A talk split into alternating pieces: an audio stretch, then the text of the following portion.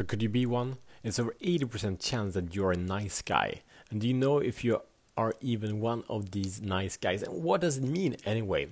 So today I will guide you into uncover if you are in a behavior kind of stuck in a pattern that is one of the most self-depriving behaviors out there possible that takes your power away and also give you some direction how you can reclaim your power. So welcome to Nice Guy Week.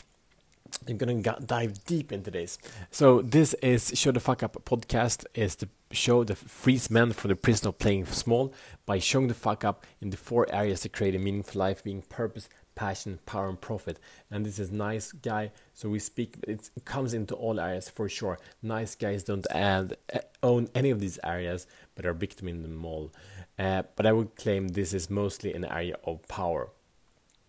So we're gonna dig it down. So first, are you a nice guy? What is this? We're gonna go through it all. The nice guy concept is, is, is based by someone called No More Mr. Nice Guy. It's a book by Dr. Robert A. Glover. However, he didn't invent the concept. It's been around for years and, and, and decades and decades. It started after basically Second World War uh, with homes without uh, fathers and what happened as a consequence of that. But here are some ca- characteristics of a nice guy. So I want you to check in of this, and then we go into the pain and the cost of being a nice guy. So nice guys are givers. That sounds good. That sounds nice. Nice guys fix and are caretakers. Nice guys seek approval from others. Nice guys avoid conflict. Nice guys believe they must hide their perceived flaws and mistakes. Nice guys seek the right way to do things. Nice guys repress their feelings. Nice guys often try to be different from their fathers. Nice guys are often more comfortable relating to women than to men. Nice guys have difficulty making their needs a priority. Nice guys often make their partners their emotional center. All right, so how are you recognizing yourself in these characteristics?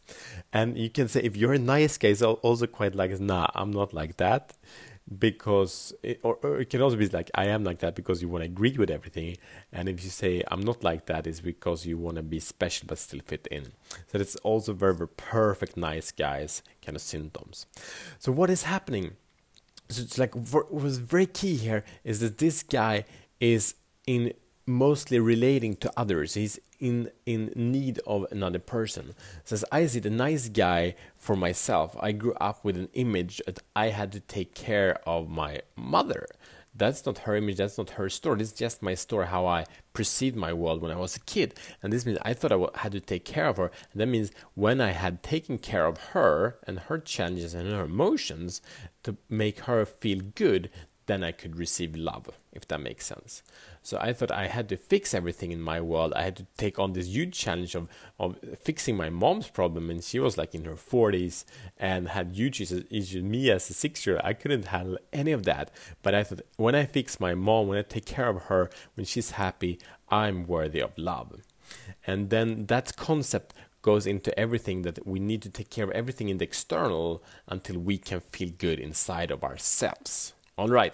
So, what's the cost of being a nice guy? What happens to nice guy? We're gonna speak about this during the whole week, but now we check in with you. Are you a nice guy? Are you gonna go die with us? And it's like, it's a claim. I came up with this 80% of people are nice guys. Basically, 100% of the people I speak to are nice guys or recovering nice guys, and that's a lifelong process. So, what's the cost? What happens with nice guys? Uh, what's wrong with it, right? So, nice guys are dishonest why? Because if they tell the truth, uh, they would have put themselves first. They dishonest because they want to fit and adapt to other people's needs, right? So uh, nice guys are secretive. Uh, they keep their shit for themselves because they're ready to be find out about their hidden lies.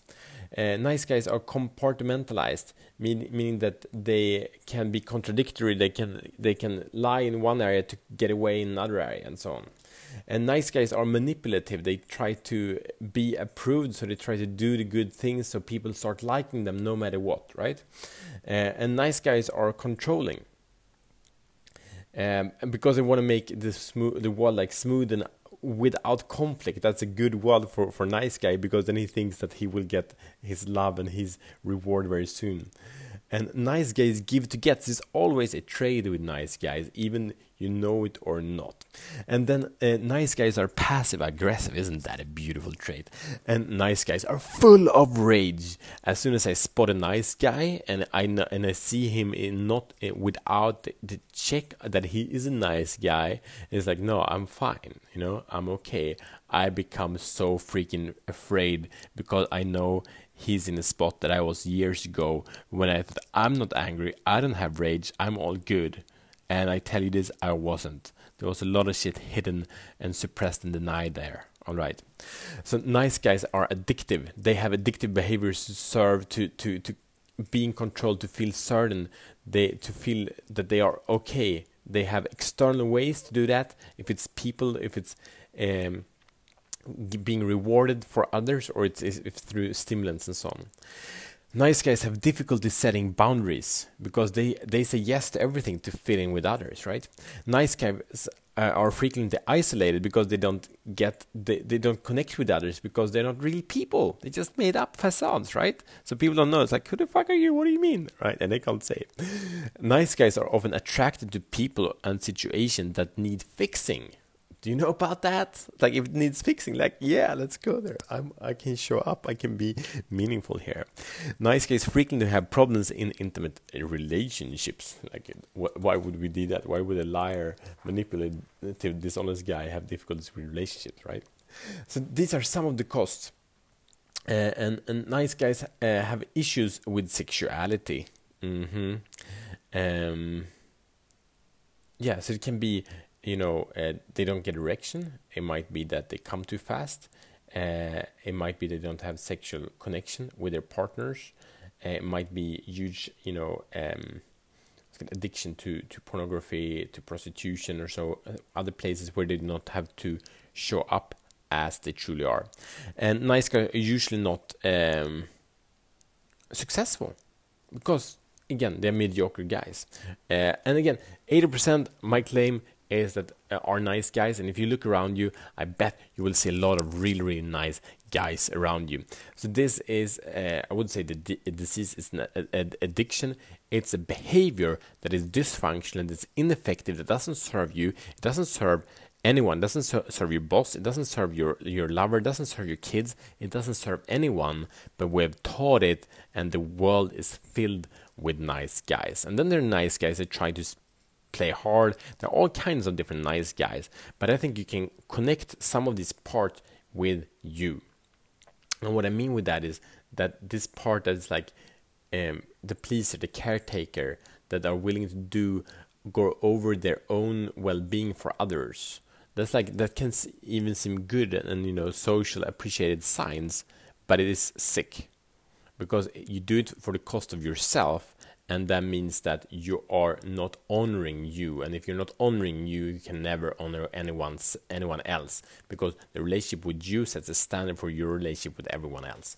All right that's enough rant. This is the beginning of the nice guy week. We're gonna have a lot of fun and we're gonna uncover in the, during the week we're gonna uncover your superpowers that you have inside of you just because you are a nice guy. So don't think it's all bad you also have superpowers that we're going to dive into. So your your mission here, should you choose to accept it, is number one, what behaviors are the one I read up to you? I just read th- straight through the book actually. Uh, do you have?